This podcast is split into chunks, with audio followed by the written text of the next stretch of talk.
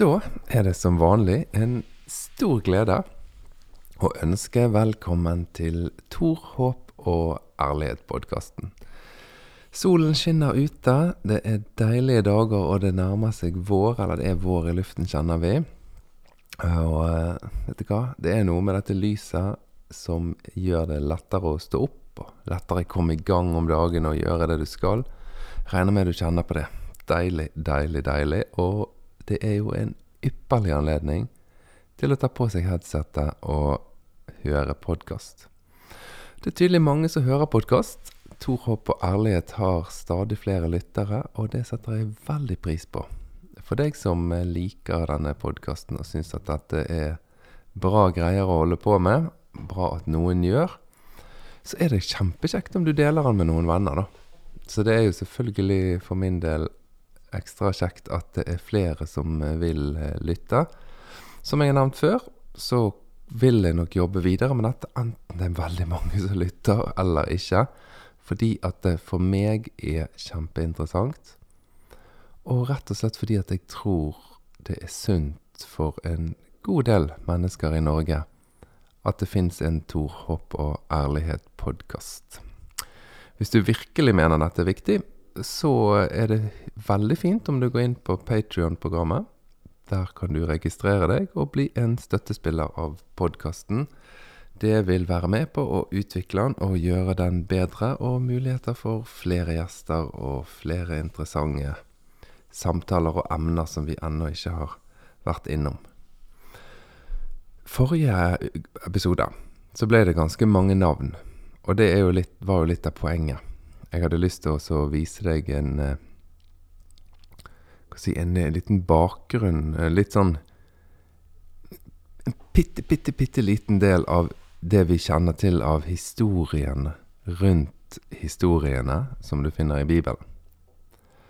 Og så leste vi et vers sammen fra Apostlenes gjerninger, der det er en kong Herodes som historien forteller oss var eh, Når han var i Jerusalem, så var han litt sånn som resten av Herodeslekten. Da var de gudstroende jøder i oppførsel og drev og ofret i tempelet. Og oldefaren hans hadde vel bygget tempelet, da. Eh, men når de var i Cesarea og i andre byer, så levde de helt som romerske konger, og da var de sånne som så på seg sjøl som ja, velsignet av gudene, og de var delvis gudelig sjøl, og de voldtok og misbrukte og hadde evenukker som de hadde sex med. Helt absurde liv, egentlig, og ekstreme dobbeltliv, men de hadde allikevel en tilknytning til den jødiske religionen, sånn på sett og vis. Men de var det som vi i dag ville kalle for korrupte, forferdelige mennesker, som bare burde vært satt i fengsel. Og så leste vi da om at en gang så slo en Herrens engel og denne her eh, siste, eh, nest siste Herodesen Så slo en Herrens engel den Herodesen sånn at han ble spist av ormer. Og så sier jeg det at ja, det var nok en vanlig måte å beskrive døden til sånne her trollmenn og hekser og ugudelige, forferdelige folk. De ble spist av ormer.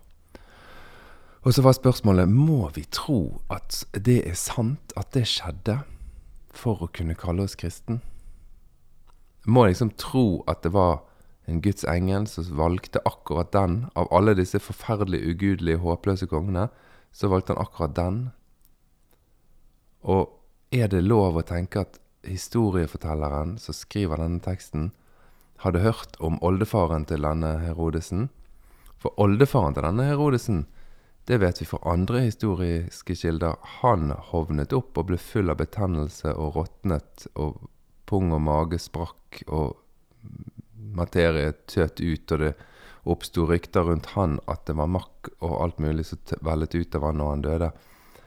Og at denne historiefortelleren som skriver Lukasevangeliet og apostlenes gjerninger, kanskje blander litt i alle disse syv eller ni Herodesene som jeg prøvde å gi et lite bilde av sist gang.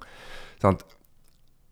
Det ville jo ikke være rart om en person som lever lenge, lenge etter hendelsen, blander litt eh, rykter rundt ulike Herodeser. Jeg, jeg syns ikke det er noe rart. Og for meg er det helt naturlig å tenke sånn om de bibelske tekstene. Men det har jo tradisjonelt sett vært litt sånn ugreit, da. Å snakke om tekstene sånn og, og på en måte se åpenbart på feil og myter og rykter som er blandet inn i tekstene. For det har jo vært en sånn tradisjon da om å tenke om at ja visst vi kan tenke at noe av det som står i Bibelen, er myter og tull og tøys, rett og slett. Feil. Eh, så mister vi helt grep om hva som kan være det virkelige ordet til oss som har noe å si for oss i dag. sant? Og Jeg skjønner den frykten, men jeg må få lov å si at ut ifra mitt perspektiv, så er den frykten der noe av det som virkelig har ødelagt bibellesingen, da. De siste tiden så har det stått en del artikler i Vårt Land, og litt i Dagen, og litt i Bergens Tidende, og litt i Aftenposten, med tanker om at det er blitt så utrolig vanskelig å være kristen. Altså, Stakkars meg, jeg tør ikke engang skrive på CV-en min at jeg er kristen, at jeg har gått bibelskole, eller at jeg har vært pastor, eller barne- og ungdomsleder, eller musikkleder i menigheten, for det er så negativt når jeg søker jobb. Det er blitt så vanskelig å være kristen. Jeg har lyst til å si til deg at det er ikke vanskelig å være kristen i Norge i det hele tatt. Det finnes ikke vanskelig. Det som er vanskelig, det er hvis du føler at du står for noe som du ikke helt vet om du kan stå for. Da blir det pinlig. Da skal du bare ha fred, og så må du bare kunne si 'nei, det er Guds ord'. Eh, ja, men eh, det kan ikke stemme at hele Bibelen er Guds ord, for da må jo vi drive med steining og ofring av dyr og kvinner må dekke håret, og de kan ikke ha ledende stillinger. Altså, hvis dette er sånn som Gud tenkte det, så, så, så dette, Nei, da, den guden din da, den er ikke riktig klok. Da blir det flaut. Men det å så lene seg mot Gud i livet, det er ikke flaut i det hele tatt. Det, må, det, dette er jo en helt sånn sidespor i forhold til det vi holder på med, men, men, du kommer til å se at det henger sammen. Eh, jeg må si det at i mine jobbprosesser opp gjennom årene, så har det at jeg er kristen, absolutt ikke vært flaut. Det er klart at når jeg skal søke på en eller annen jobb, nå var det f.eks. Møller bil Jeg kunne ikke akkurat la være å skrive på CV-en min at ja, jeg har to år på bibelskole, og så har jeg pastorskole i regi av Livets Ord. Og så har jeg vært ungdomsleder fra jeg var 17, tror jeg det var, til, til jeg var 33 år.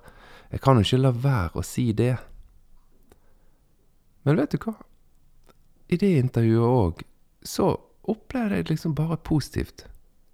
Ja, neimen, ja, jeg har landet på at jeg, jeg tror Jesus Og det fascinerende er at det ble prat om det. Og samme med Telenor-jobben jeg hadde. Ja, ble, til og med i intervjuet ble det prat om tro. Og ja, nå, eh, nå som eh, en av si, de som uttaler seg en del rundt Skeivt kristent nettverk, så møter vi mennesker og snakker om tro på Jesus hele tiden. Og jeg syns ikke det er flaut i det hele tatt. Og folk syns ikke det er rart. Det jeg kan forstå er flaut det er hvis du opplever at din religion, tro, overbevisning krever at du må være rett og slett en drittsekk mot noen andre for å være en kristen. Det skjønner jeg er flaut. Og så skjønner jeg det flaut at når vi skal liksom late som at hele Bibelen er Guds ord, så kan jo vi ikke stå for det, sant? Vi kan ikke være ærlige med det, så en tør jo knapt å lese i Bibelen.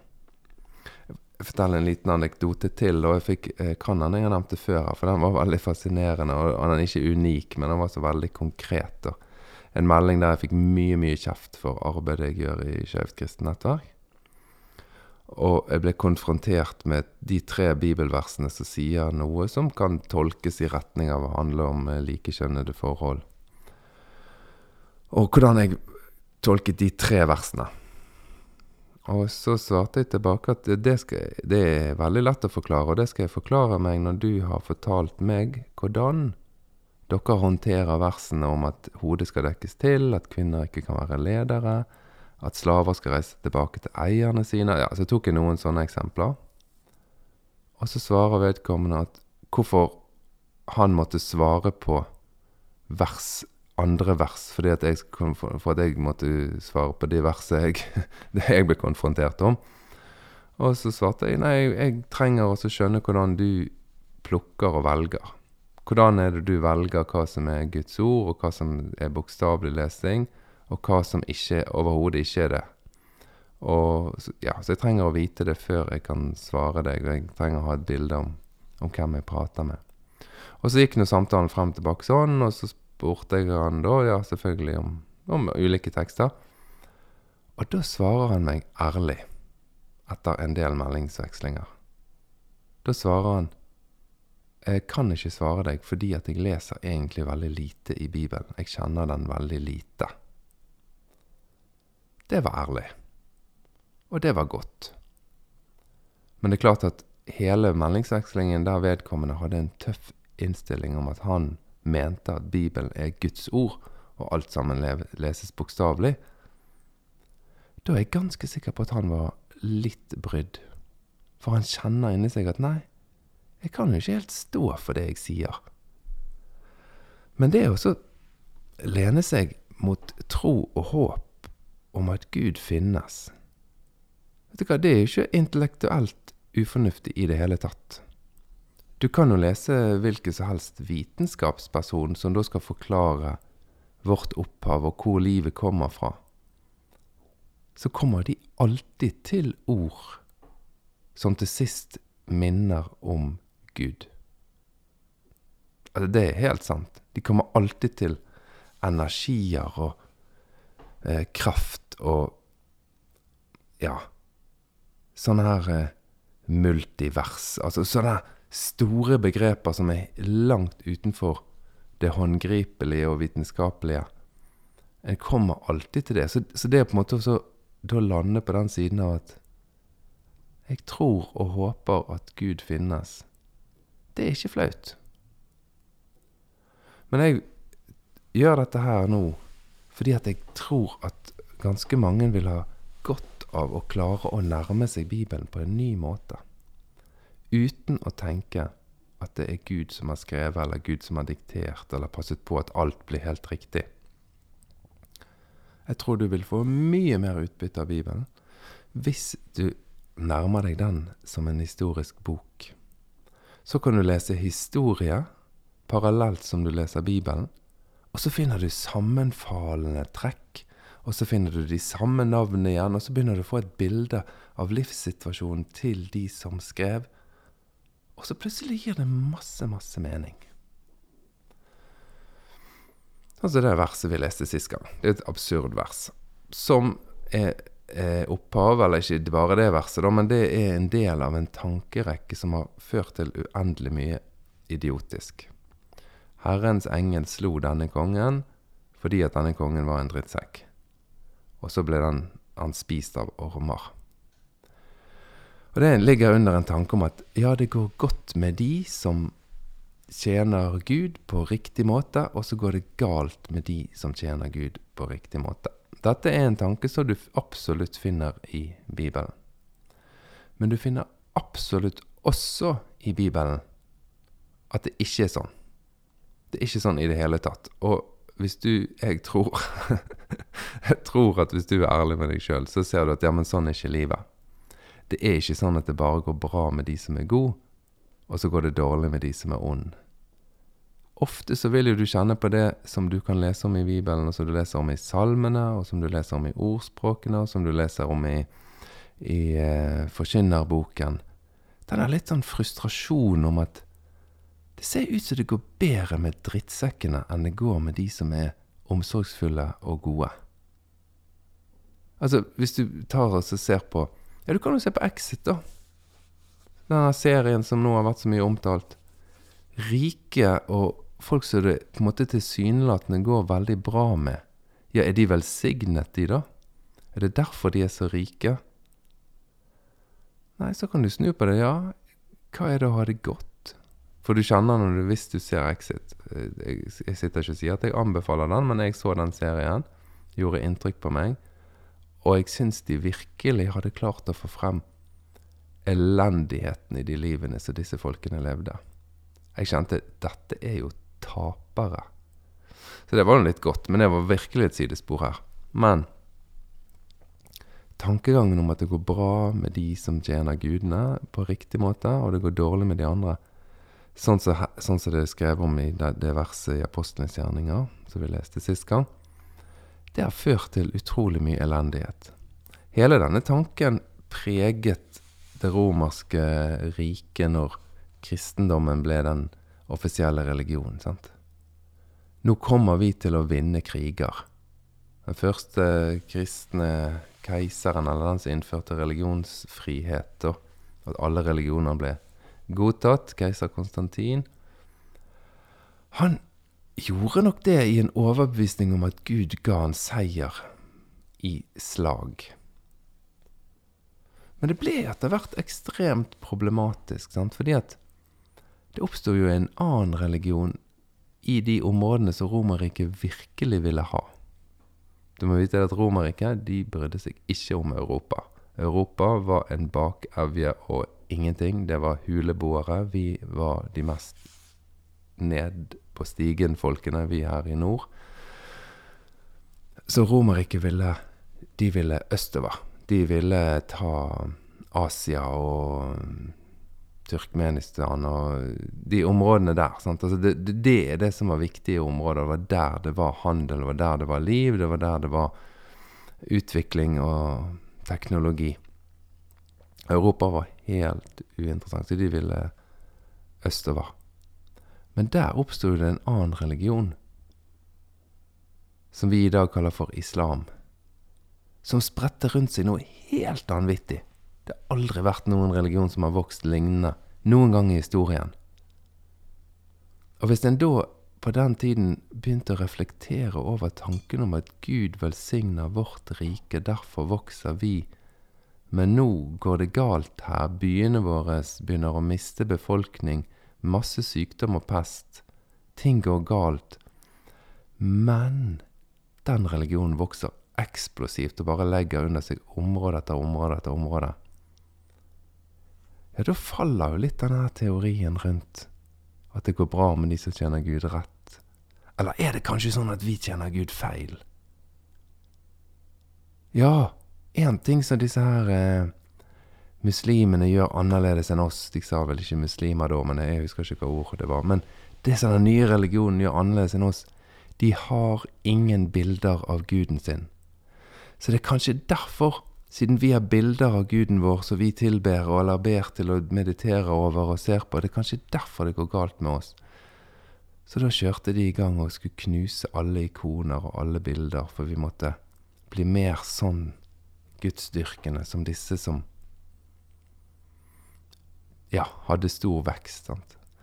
Men denne tanken om at det går bra eller det går dårlig, den ser jeg fortsatt i dag, da som karmatanke.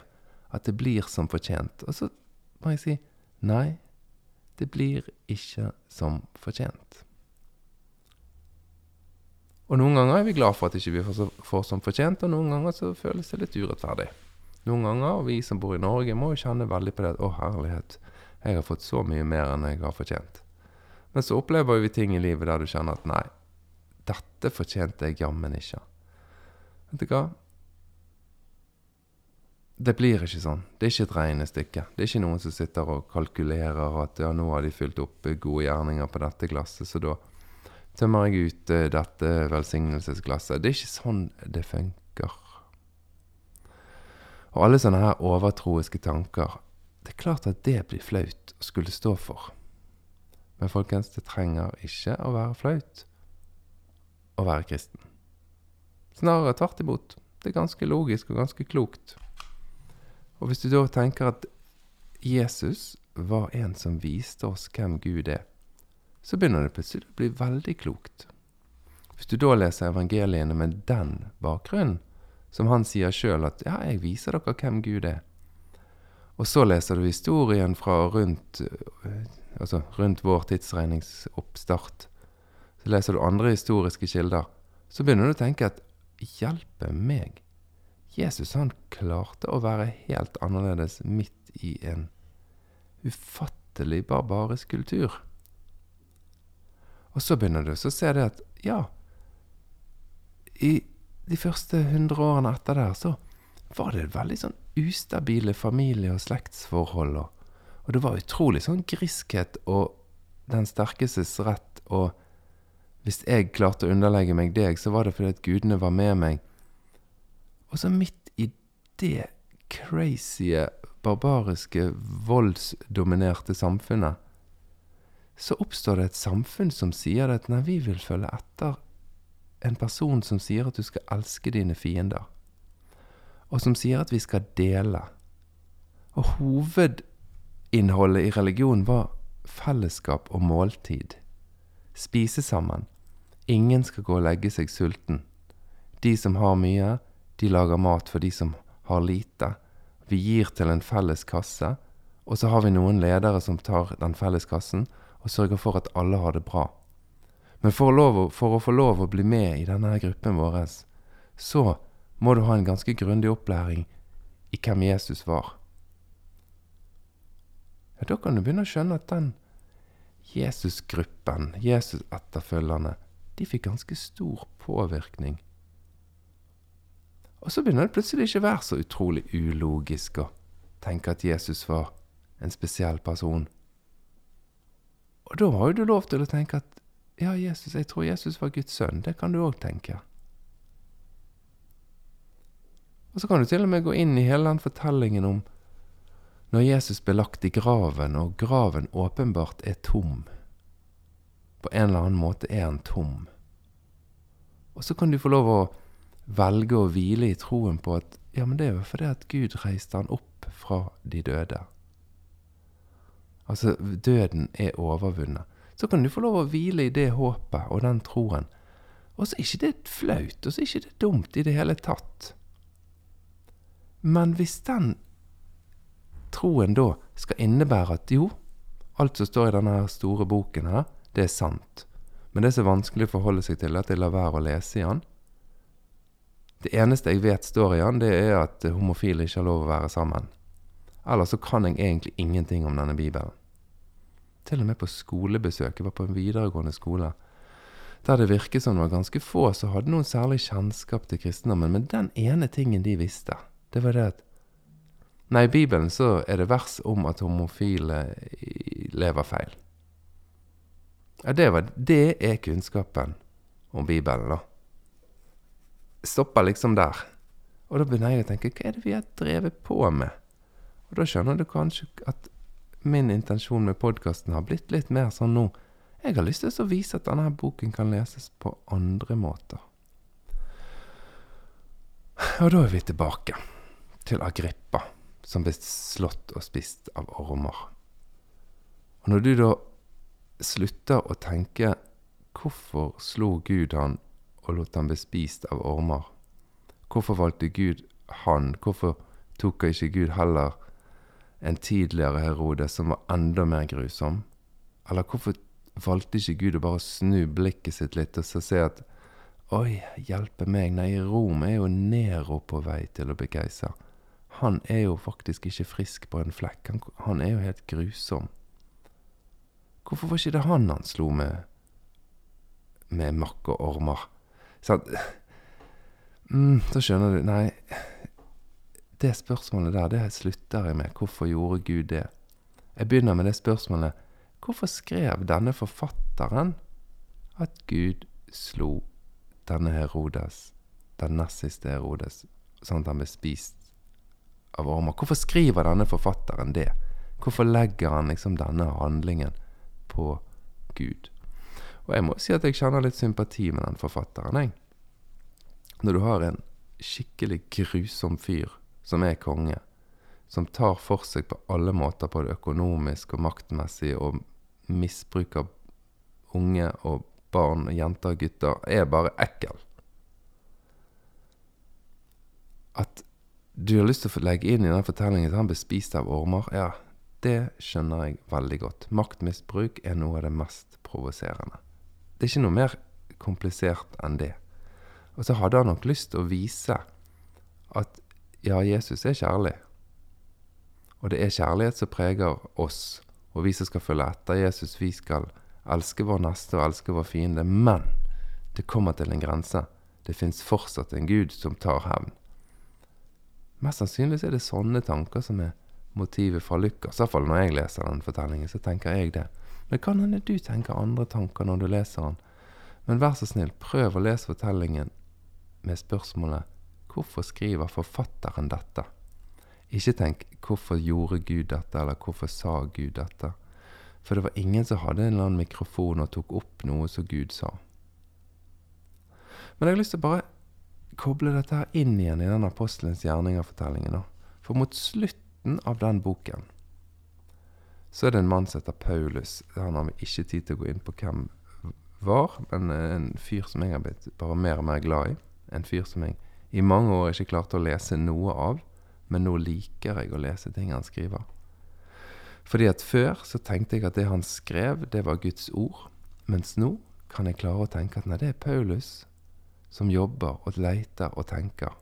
Og så kan jeg lese Timoteus-brevet og så vite at ja, dette var nok mest sannsynlig ikke Paulus som skrev i det hele tatt. Dette var noen andre etter Paulus var død, som skrev dette brevet og tillot tilla det til Paulus som forfatter for at brevet skulle ha mer autoritet.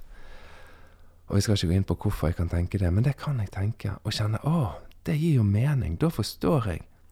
Da forstår jeg hvorfor han i dette brevet er så kvinnefiendtlig, mens i andre brev så snakker han veldig vennlig til kvinnelige ledere og viser tydelig at han har ledere med seg som er damer.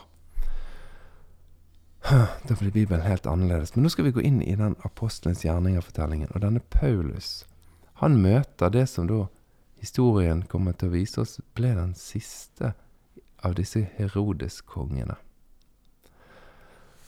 Og da Paulus han har blitt anklaget av andre jøder, Paulus er jøde, av andre jøder om at han forfører folk. Og dette var jo tydeligvis en veldig ganske kraftig fight innad i de jødiske miljøene. Var Jesus den Messias vi ventet på, eller var han det ikke? Paulus mente at det var den Messias som de gikk og ventet på. Andre jøder mente at nei, det er det ikke. Og de ble veldig sinte på hverandre.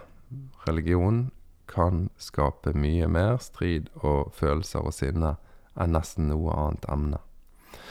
Men i hvert fall, jødene har jo ikke lov til å dømme eller ta livet av noen eller noe, for de er jo et lite folk som er okkupert av en gigantisk romersk hærmakt, sant. Så når vi da har snakket om at jødene drepte Jesus, så skjønner vi at det er bare tull og tøys fra ende til annen. En liten, okkupert stat har aldri muligheten til å drive og dømme og ta livet av folk. Så det var det romerne som gjorde. Men her, da, blir da Paulus overlevert til den siste Herodesen, Agrippa 2, tror jeg historikerne ville kalt han for. Og så husker du at i slekten til Herodes-kongene, der var det en eller annen sånn tiltrekning mot det å ville være jøde, og det å ville tilhøre tempelet, og det å ville ofre riktig, og så videre. Og det var jo da er det oldefar, tippoldefar Nei, kan bli det? Oldefar til denne her Jeg klarer går sur på Herodes når da. Men en tidligere Herodes. Herodes den store, den som var kongen og rundt den tiden Jesus ble født. Det var han som hadde bygget på dette her storslåtte tempelet. Så dette er jo en religiøs familie som kjenner til de jødiske regler og forskrifter. Og det er også denne familien som innsetter ypperste prestene i tempelet. Og nå står Paulus fremfor han, og så forklarer Paulus hvorfor han er blitt fanget og levert ut der. Og så har Paulus gjort det klart at dere kan ikke slå meg, for jeg er romersk borger. Så jeg anker min sak til keiseren. Det har jeg rett til som romersk borger.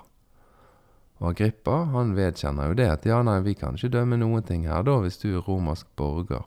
Da må du til keiseren. Men hvorfor i all verden er du her? Og så i, i kapittel 26 i Apostelens gjerninger så forklarer Paulus, Paulus litt hvorfor han er der.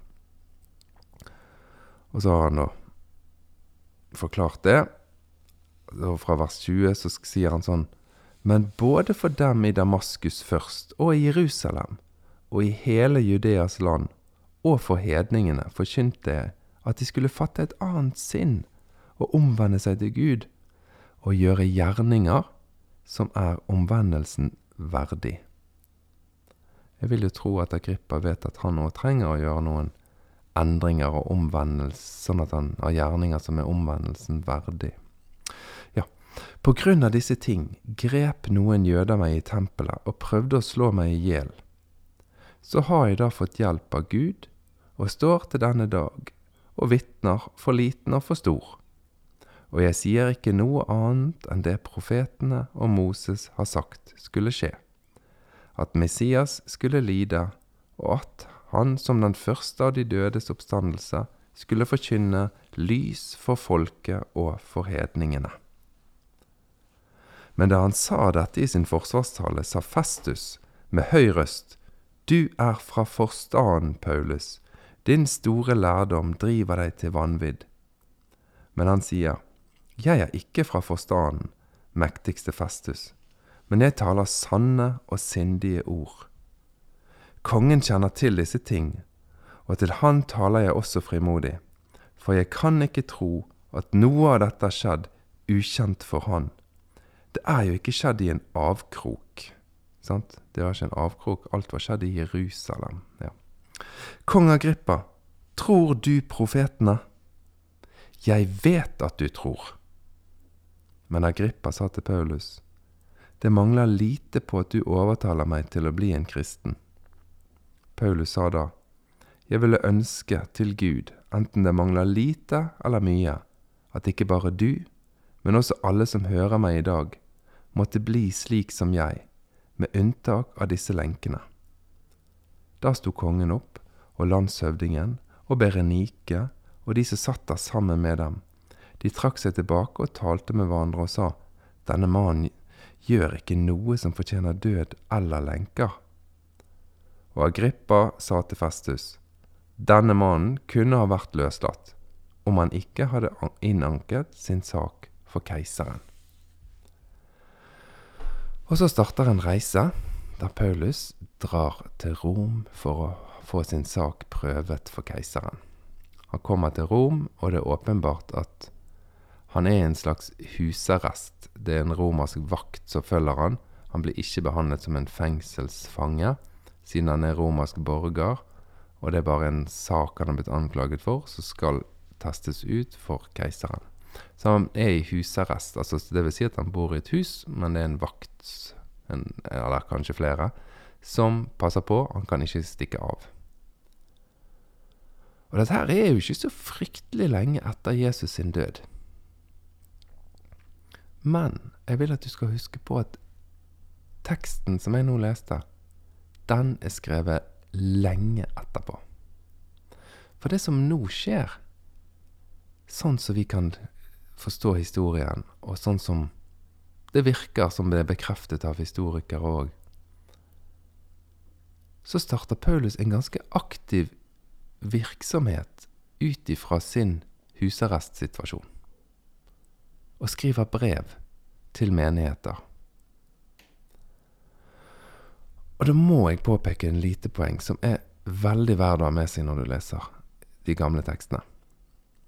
Ting som har skjedd langt tilbake fra tidspunktet der det skrives, altså hvis det skrives i år 600 før Kristus, men handlingen er satt til 2000-3000 år før Kristus, da vil du se at de fortellingene inneholder veldig mye store mirakler. Da er det esler som snakker til mennesker, det er hav som åpner seg, så folk kan gå over gjennom havet på tørt land. Det er Gud som kommer på besøk til eh, Abraham i leiren og sitter og spiser med han og prater med han og diskuterer om de skal ødelegge Sodoma. Altså, det er voldsomt sånn direkte inngripen av Gud. Veldig sånn nært og actionfylt og voldsomme ting som skjer. Men så når da fortellingene begynner å nærme seg det året de da blir skrevet, så forsvinner det voldsomme, overnaturlige inngripensgreiene. Da er det mer menneskelige relasjoner og hjertets holdninger som arbeides med, og vi ser at folk forandrer seg, omvender seg, innser at ting er galt, eller ikke gjør det. Da er det mer det det handler om. Og det, Derfor er det interessant å prøve å finne ut når ting er skrevet. Og det er ikke alltid så vanskelig, fordi at du ser at hvis ting er veldig voldsomt og overnaturlig, så er det skrevet lenge etter. Veldig ofte er det sånn. Men så Paulus han begynner en ganske aktiv brevskriving her. Og, og en del av de brevene er tatt vare på og er med i Nytestamentet. Så hvis du nå blar et par sider til igjennom og, kommer, og leser ferdig Apostelens gjerninger, så kommer du til et brev som heter Romerbrevet. Og Hvis du leser det brevet, så må du huske på at det er et brev som med all sannsynlighet er skrevet av Paulus. I et samfunn der konger som Herodesene hadde en enorm makt. Og så må du huske på at Paulus ble sendt til Rom her. Og hvem er keiser i Rom på denne tiden her, omtrent? sant? Ja, da er det sannsynlig at det er keiser Nero og hans halvbror som er på en måte i, litt sånn i kampen om hvem som skal overta denne tronen. Og det blir keiser Nero, en fryktelig fyr som dreper broren sin, altså dreper moren sin, og som elsker en dame inderlig, men sparker hun i hjel, sånn at både hun og barnet hun har i magen, dør. Og han blir helt knust av sorg, og arrangerer et bryllup med en evenukk som ligner på denne damen. Altså, han gifter seg med en mann, og det har blitt dratt frem som et sånn eksempel på et tidlig homofilt eh, ekteskap. Men du snakker altså om en, om en, ung gutt som har blitt kastrert, som kjønnsorganet har blitt skåret vekk på, da, helt fullstendig. Sånn at han skal bevares liksom sånn ung og barnslig i hud og utseende. Og som ligner på den konen som Nero har drept. Det er et sånt samfunn og med en sånn ledelse. Et samfunn der en er veldig opptatt av at vi må dyrke alle mulige guder. Vi må dyrke de riktig, og dere må dyrke keiseren som guddommelig. Et sånt samfunn er det Paulus kommer til. Og det er sånne konger som har styrt i Jerusalem med korrupsjon og elendighet, og innsatt øverste prester, sånn at blandingen av religion og makt og overgrep og penger og rikdom og krig er blandet sammen. Det er et sånt samfunn Paulus sitter og skriver sine brev. Og i år 64 Altså omtrent litt og rundt 30 år, litt mer enn 30 år etter Jesus sin død og oppstandelse og himmelfart. Så sitter altså Paulus i Rom, og det er en gal keiser på tronen. Og mest sannsynlig, eller med stor sannsynlighet, så dør både Paulus og Peter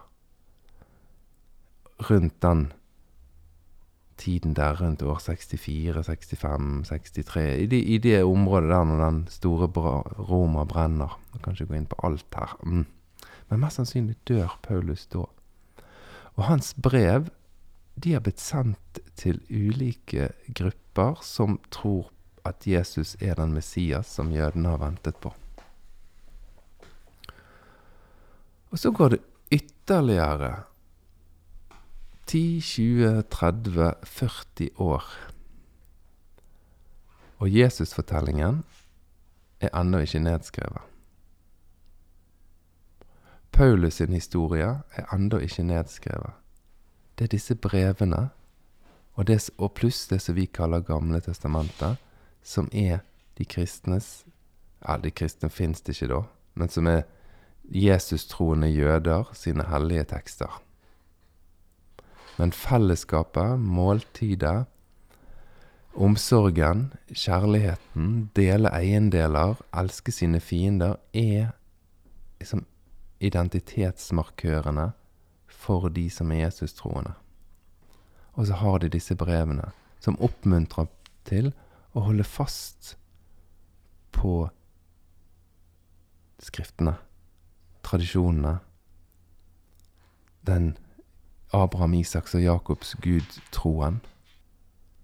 Det er det som er det grunnlaget som de bruker.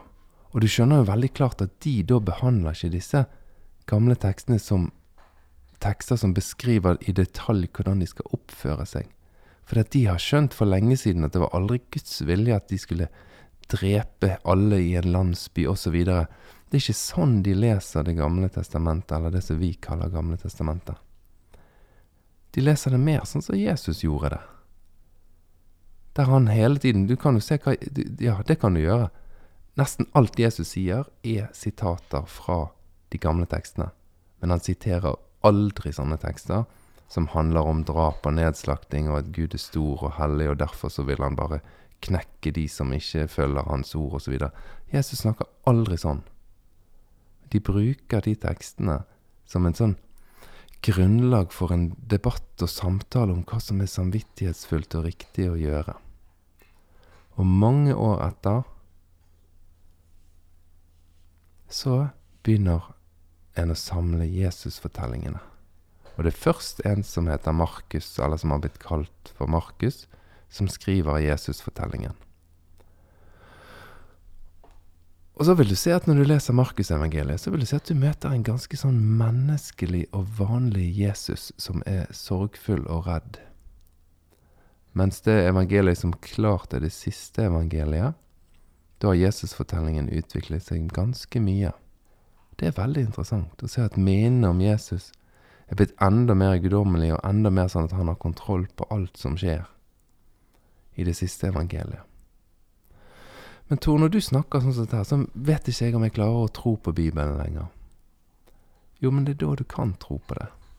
For hvis du skal fornekte og late som om det er mange ting som står der, at late som de ikke står der, fordi at du skal kalle det Guds ord, da går det ikke an å forholde seg til denne Skriften.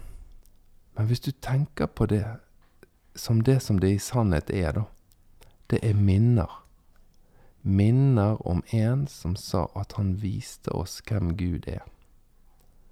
Og hvis du innser at de menneskene som skrev, levde i et miljø og i en samtid som påvirket de, som jeg har nevnt før, f.eks. når du leser Matteusevangeliet, og du har lært at det sannsynligvis har opphav i Antiokia, som er et sted som sannsynligvis Peters var den som forkynte og fortalte om Jesus først og der det var blitt mange som trodde på Jesus, og der det var blitt full fight i synagogen, og de fariseergruppene som hadde tatt den jødiske arven videre, de stengte ute de som var Jesus-troende fra synagogen.